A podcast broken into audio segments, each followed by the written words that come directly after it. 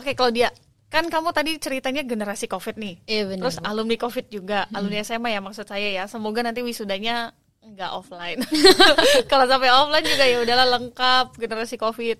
Oke, eh, kalau dia ekspektasi kamu waktu pertama kali praktik nih setelah teori online, praktek gitu kan. Sesuai nggak sih sama harapan?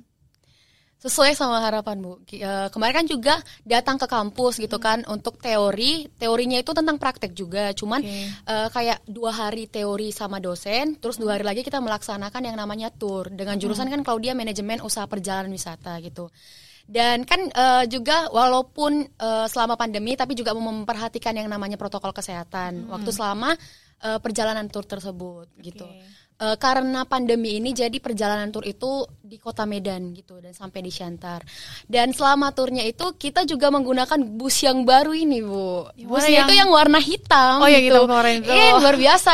Ada kamar mandi. Jadi waktu kita di jalan gitu kan kalau misalnya kayak bus-bus yang yang lain itu kan kayak kalau misalnya mau kamar mandi itu wajib kayak berhenti, di Berhenti. SPBU gitu ya Ah. kan. Kalau ini enggak kita kita itu bisa buang air kecil tuh dalam toilet eh, dalam busnya itu Bus yang langsung. hitam ya? Iya dan selain itu juga eh, busnya itu juga menyediakan bantal kepala gitu kan Luar bus biasa mana ya. yang menyediakan seperti itu ibu Ada sih. Iya. Busnya busnya disediakan pihak ketiga, kita bawa sendiri. Enggak beda cerita ini Baiklah. disediakan dan juga di situ kita bisa karaokean bu Karaokean. Iya. Namun berarti nggak bosan musik ya? musik mic eh, musiknya gitu kan Eh, terus mic-nya dan AC-nya itu bagus bu Adem Mantep, dong. adem Terus jadi ibaratnya kalau misalnya kita selama tur itu kayak ibaratnya tour gitu bukan mau meng-guide gitu. Jadi karena saking nyamannya dalam bus itu Berarti waktu kamu jadi guide juga kamu berasa seperti tamu lah ya, Ah, saking iya nyamannya bener. bus hitam itu.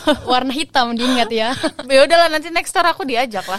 aduh iya, soalnya kan kalau kita yang make kan harus ada kebutuhan khusus kan. Iya, benar. Maksudnya misalnya eh, kalau pegawai itu kan harus beramai-ramai Hmm. gitu. Nah, sekarang kan pandemi Covid kan kita belum pernah nyobain.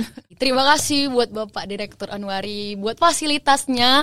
Walaupun selama pandemi kami juga bisa eh, sesuai dengan apa ekspektasi kami para mahasiswa-mahasiswa Poltek Parmedan, terutama juga buat pengalaman saya yang menikmati secara langsung fasilitas dari Poltek Parmedan tersebut. Luar biasa. Jadi sebenarnya eh, di masa ini memang eh, kita lagi gencar-gencarnya membangun sih kalau dia bukan membangun sih maksudnya eh, menyiapkan fasilitas-fasilitas untuk mendukung pendidikan. Nah ini di kebetulan beliau Pak Direktur juga dibantu sama pejabat-pejabat terdekat beliau ada Wadir 1, Wadir 2, Wadir 3 sama ada PPK 1 dan PPK 2 gitu. Jadi memang kita harus kompak lah buat itu semua dan salah satu podcast ini juga sebenarnya fasilitas utama biar kita gampang touching ke anak-anak gitu. Oke, terus eh, Claudia kan kamu anak daerah nggak sih? Maksud aku tuh putra daerah asli nggak gitu dari daerah Medan asli? Dari daerah Medan, asli dari orang Lahirnya Medan. di Medan. Iya, benar. Kalau orang tua? Orang tua itu daerah Pakat, daerah Keparapat gitu. Bu. Jadi kamu pernah ke sana nggak? Pernah Ibu.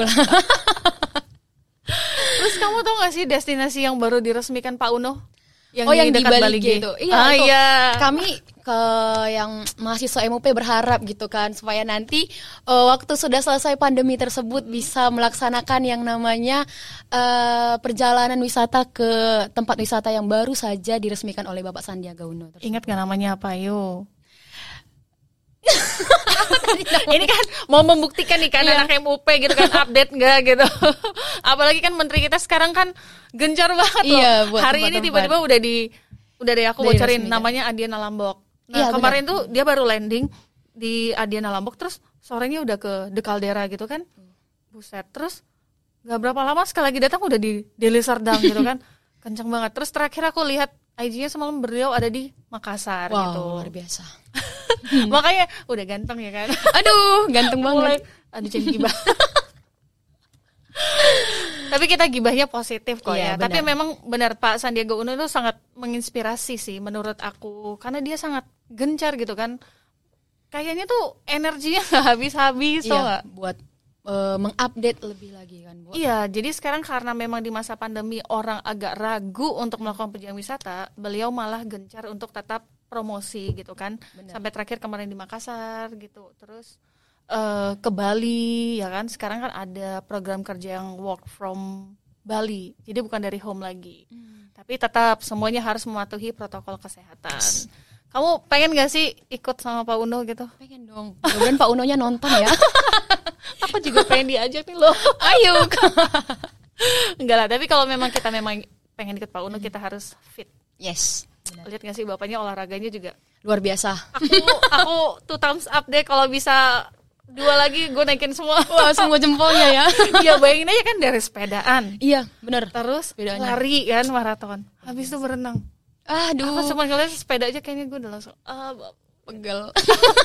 bukan pegel, langsung butuh ion tubuhku habis semua gitu, langsung pengen butuh minum banyak gitu. Tapi semoga ya nanti kapan-kapan kita bisa join gitu. Amin.